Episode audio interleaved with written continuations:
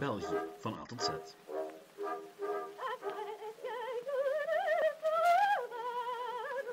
Welkom bij Geschiedenis van België. En welkom bij letter Q. Q voor... eh tja, toegegeven, op die vraag heb ik nog steeds geen antwoord kunnen vinden. Toch zeker geen antwoord dat verband houdt met de Belgische geschiedenis. En laat dat nu net het belangrijkste criteria zijn in een serie genaamd België van A tot Z. Nu, na het democratisch overleg met mijn achterban ben ik tot het volgende onderwerp gekomen. De schoolstrijd. Die in België wel te verstaan. En zowel die van de 19e als die van de 20e eeuw. Maar eigenlijk betekent dit thema vooral dat we het over de verzuiling gaan hebben. In deze aflevering gaat het bij over de strijd om de ziel van het kind, ongelukswetten, inschrijvingsgelden, vrijmetselaars en een boze paus. Dat en meer in deze aflevering van Geschiedenis van België. De schoolstrijd dus. Een leuk onderwerp dat het haalde met 38% van de stem. Wat betekent dat ik het deze week in de eerste plaats over de verzuiling hebben zal. Dat zal ik trouwens doen met een nieuwe microfoon. Dus als het geluid extra goed is of net extra vreemd, ja, ik heb een kleine investering gedaan en dat zal u hopelijk dus ook horen. Nu, terug naar de verzuiling. We gaan het over de verzuiling hebben vandaag. En dat maakt mij blij. Want, liefste luisteraar, de verzuiling staat al een tijdje op mijn lijstje. Toegegeven, dat lijstje staat redelijk vol, maar in mijn ogen is de verzuiling wat van het belangrijkste historische fenomeen die het huidige België kan helpen verklaren. Dus ook eentje dat ik vroeg of laat zal moeten aanpakken. Maar ik weet natuurlijk nog niet helemaal hoe ik dat precies ga doen. Maar misschien moet ik eerst al even verduidelijken wat verzuiling eigenlijk is. Verzuiling in België weliswaar, want ook in Nederland en elders had men ooit een bepaalde versie van het fenomeen. In België gaat het om de indeling van de maatschappij in verschillende zuilen. Politiek-ideologische zuilen om precies te zijn. Als je geboren werd in de 19e eeuw en laten we zeggen in de eerste driekwart van de 20e eeuw, ja, dan behoorde je min of meer automatisch tot die zuil. En zou je voor een groot deel van je leven ja, binnen dat soort kringen circuleren. Dat klinkt redelijk abstract, maar voor heel veel mensen was dat fenomeen tot midden de jaren 80 heel concreet. Mijn eigen familie bijvoorbeeld behoorde generaties lang tot de katholieke zuil. Kinderen werden geboren in een katholiek ziekenhuis, gedoopt in de katholieke kerk, gingen naar de katholieke school, de katholieke jeugdbeweging, sloten zich vervolgens aan bij de katholieke vakbond, theaterclub, voetbalploeg of dergelijke. En brachten hun hele leven zowat in dezelfde ideologische omgeving door. En die wereld van de verzuiling, die bestaat vandaag nog, maar niet op dezelfde manier. Het is een soort van ruïnelandschap waarin wij allemaal leven. Ik bijvoorbeeld ben aangesloten bij de CM. Min of meer omdat mijn ouders dat ook waren. Ik ben op kampen geweest van de CM. Min of meer omdat, wel, dat was wat mijn ouders deden. Ik zit bij de christelijke vakbond. Niet omdat ik zozeer een chef ben, maar ja, het past nu eenmaal bij hoe ik ben opgevoed. Goed, nu, dat toont wel een klein beetje hoe belangrijk het vandaag nog is, maar het is moeilijk te onderschatten hoe belangrijk dat fenomeen eigenlijk geweest is. En dus is een aflevering over twee van de belangrijkste momenten in de verzuiling geen slecht idee. 2. U hebt me inderdaad goed gehoord. Want de schoolstrijd, dat is geen eenmalige gebeurtenis. Het gebeurde tweemaal met een kleine 70 jaar ertussen. Redelijk boeiend, zij het redelijk ingewikkeld. Wat, toegegeven, geldt voor het merendeel van de Belgische geschiedenis. Wat de schoolstrijd betreft, kan je min of meer teruggaan naar het ontstaan van België. Niet omdat die dan in alle hevigheid uitbarst, maar net omdat ze dan niet uitbarst. Nog niet wel te verstaan. De Belgische revolutie kwam voort uit de samenwerking van een heleboel groepen die eigenlijk weinig of niets met elkaar gemeen hadden, maar het er wel over eens waren dat het Nederlandse bewind geen optie meer was. En dat leidde tot het monsterverbond tussen liberalen en katholieken. De twee grote hoofdrolspelers in dit verhaal. En van socialisten was er in 1830 trouwens nog helemaal geen sprake. Dit unionisme, zoals het genoemd werd, stelde de revolutionairen in staat om in de zomer van 1830 het ijzer te smeden toen het heet was. En na gezamenlijke opstand slaagde men erin om een tijd lang aan hetzelfde zeel te blijven trekken, zonder zich te laten verdelen door de onderlinge conflicten. En dat is de periode van het unionisme. Een periode die bleef duren tot het duidelijk werd dat het nieuwe landje niet meer bedreigd werd door een zekere Willem I en Nederland. En eens op lange termijn duidelijk werd dat het voorstaan van België gewaarborgd was, begonnen die twee grote ideologische kampen zich in te spannen om de toekomst van het nieuwe België zoveel mogelijk te laten lijken op de eigen idealen. Wat natuurlijk tot een heleboel grote en minder grote conflicten leidde. En het grootste conflict van de 19e eeuw in politiek België, dat was de schoolstrijd. Een ideologische en tegelijkertijd ook heel praktische strijd, tussen katholieken en liberalen. Maar voor we het over die strijd hebben, moeten we het misschien heel even hebben over het onderwerp van die strijd: onderwijs. Onderwijs was voor de stichting van België altijd al grotendeels het domein geweest van de klerus. Enkel en zeker Jozef II, u bekend van de aflevering over de Oostenrijkse Nederlanden, probeerde de rol van de kerk in het onderwijs in te perken. Wat trouwens leidde tot een heuse revolutie. Maar dat verhaal heb ik al eens verteld. Oh, en dan had ik bijna Willem I vergeten, die net als Jozef I de voorkeur van staatsonderwijs. En dus de rol van de katholieke kerk in het onderwijs probeerde in te perken. Nu, de houding van beide vorsten wat betreft de katholieke kerk was mede oorzaak voor een boeiende clausule in die fameuze Belgische grondwet. De clausule over de vrijheid van onderwijs. Een vrijheid waar de Belgische kleurjes onmiddellijk na de onafhankelijkheid dankbaar gebruik van maakten om een uitgebreid netwerk van katholieke lagere scholen uit te bouwen. En dat deden ze niet met overheidsgeld, wel met giften van gelovigen en de steun van het instituut, het instituut Kerk, inclusief bisschoppen en aartsbisschop. Wat de katholieken betrof, had de staat eigenlijk weinig te zeggen wat onderwijs betrof. Want was het niet de rol van de kerk om zich te ontfermen over het onderwijs? Om de Belgische jongeren een goede, godsvruchtige opvoeding aan te bieden? En de rol van de staat was in de ogen van de katholieke kerk weinig meer dan het steunen van privé-initiatieven en financieel bij te springen indien nodig. En toegegeven, dat lijkt in hedendaagse ogen redelijk extreem. Als je het gaat vergelijken met hoe er naar religie gekeken wordt in andere landen, ja, redelijk fundamenteel ook. Nu, dat was niet het geval voor de Belgische bevolking in de eerste helft van de 19e eeuw. Want de overgrote meerderheid van de bevolking was immers katholiek en het vertrouwen in de klerus en het instituut kerk was groot. Zij het niet bij iedereen. De liberalen vonden dat onderwijs in de eerste plaats een zaak moest zijn van de staat. Een staat die neutraal en kwaliteitsvol onderwijs moest kunnen aanbieden. En daar dus ook voor moest betalen. Met belastingsgeld. Het alternatief in hun ogen was dat al het onderwijs in België in handen van de klerus zou belanden. Een angstaanjagend vooruitzicht, maar gelukkig voor de liberalen waren de katholieken in 1842 nog bereid tot een compromis. Vandaar ook de compromiswet van 1842. En die wet legde zowat de wettelijke basis van het Belgische onderwijs, al was het maar omdat er tevoren geen enkel wettelijk kader bestond. Scholen waren in die periode voornamelijk katholiek en er was geen enkele verplichting voor gemeentes om eigen onderwijs te organiseren. En velen lieten dat dan ook over aan de kerk. Een kerk die niet de middelen had om alle scholen te subsidiëren. Dus werd er een deal gesloten.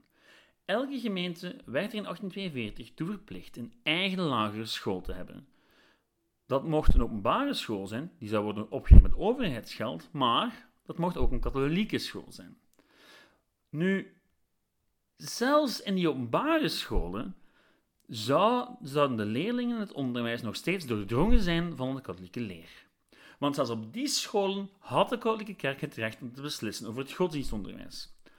Ook het openbaar onderwijs zou dus min of meer katholiek zijn.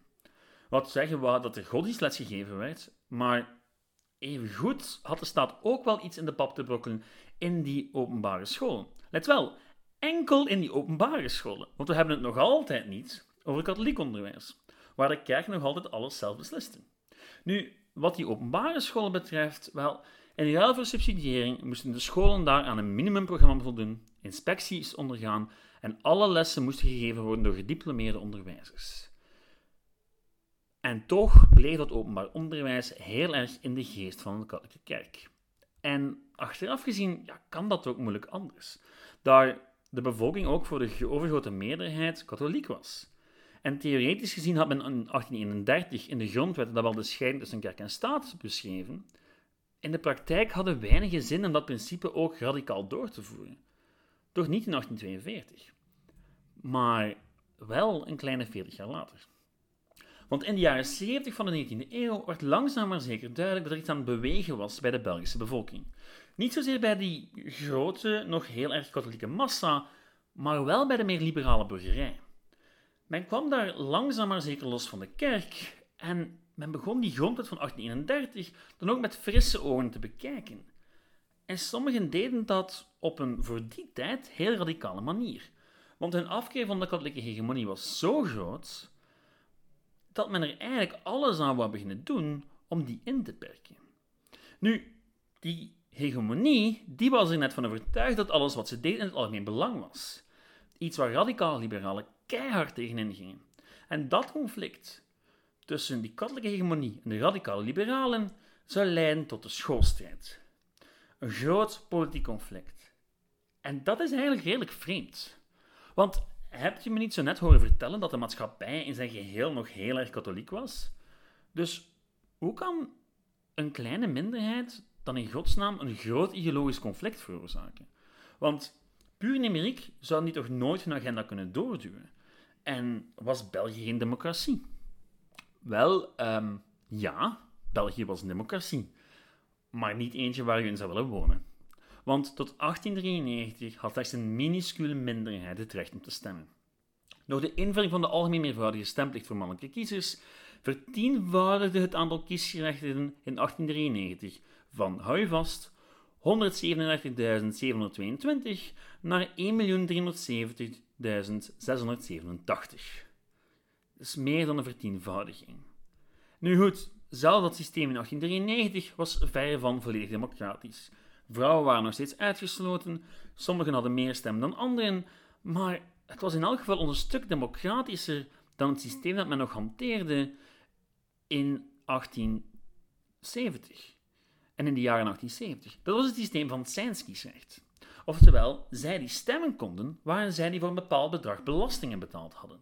Volledig conform met de logica van die tijd, maar naar hedendaagse normen volstrekt ondemocratisch.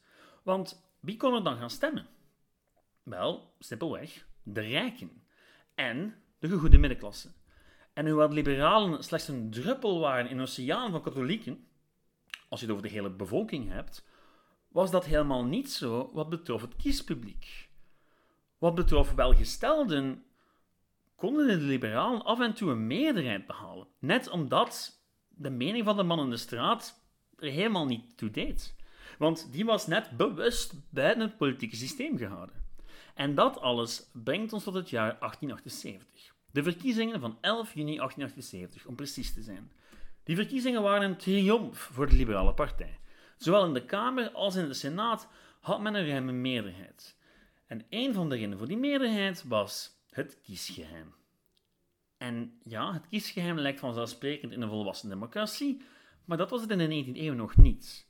Tevoren was de stemming niet geheim, en in een land waar een goede burger zijn voor veel nog min of meer hetzelfde betekent als een goede katholiek, was het niet vanzelfsprekend om openlijk op een andere partij te stemmen.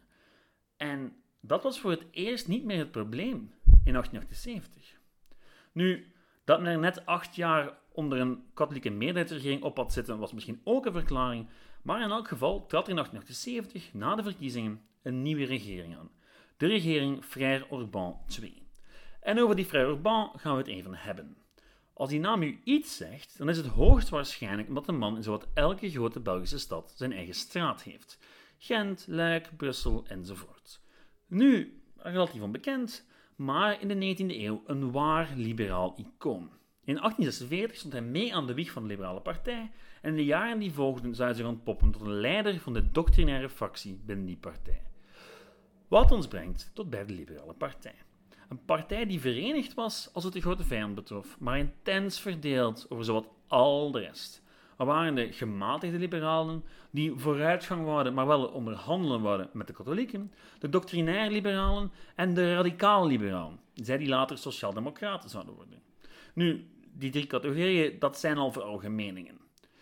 Maar we moeten hier focussen op de doctrinair liberalen. Die geloofden in een scherpe scheiding van kerk en staat en de rol van de vrije markt.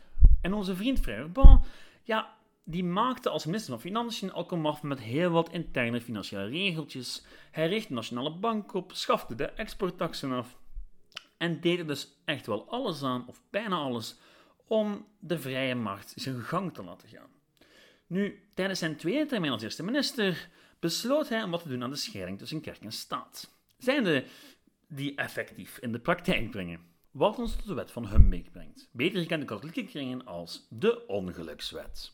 Nu, wat deed die wet precies? Wel, die trok een deel van de onderwijsmacht naar de staat toe. Wel enkel voor het openbaar onderwijs, maar toch werd het door de katholieke kerk beschouwd als een ware staatsgreep door de staat. In praktijk werd elke gemeente verplicht één gemeentelijke lagere school te hebben en het adopteren van katholieke scholen was niet meer toegestaan. En, en nu komt het, staatsgesubsidieerd onderwijs moest neutraal zijn. Met andere woorden, religieus en zonder geestelijke inspectie. En zonder het vak godsdienst. Oh, en daarom moesten onderwijzers een diploma van een rijksnormaalschool hebben, niet van een katholieke normaalschool. De wet werd op 6 juni 1879 met een nipte meerderheid goedgekeurd in de Kamer en twee weken later met een nog niptere meerderheid in de Senaat. En toen werd de wet realiteit en begon men in katholieke kringen te reageren.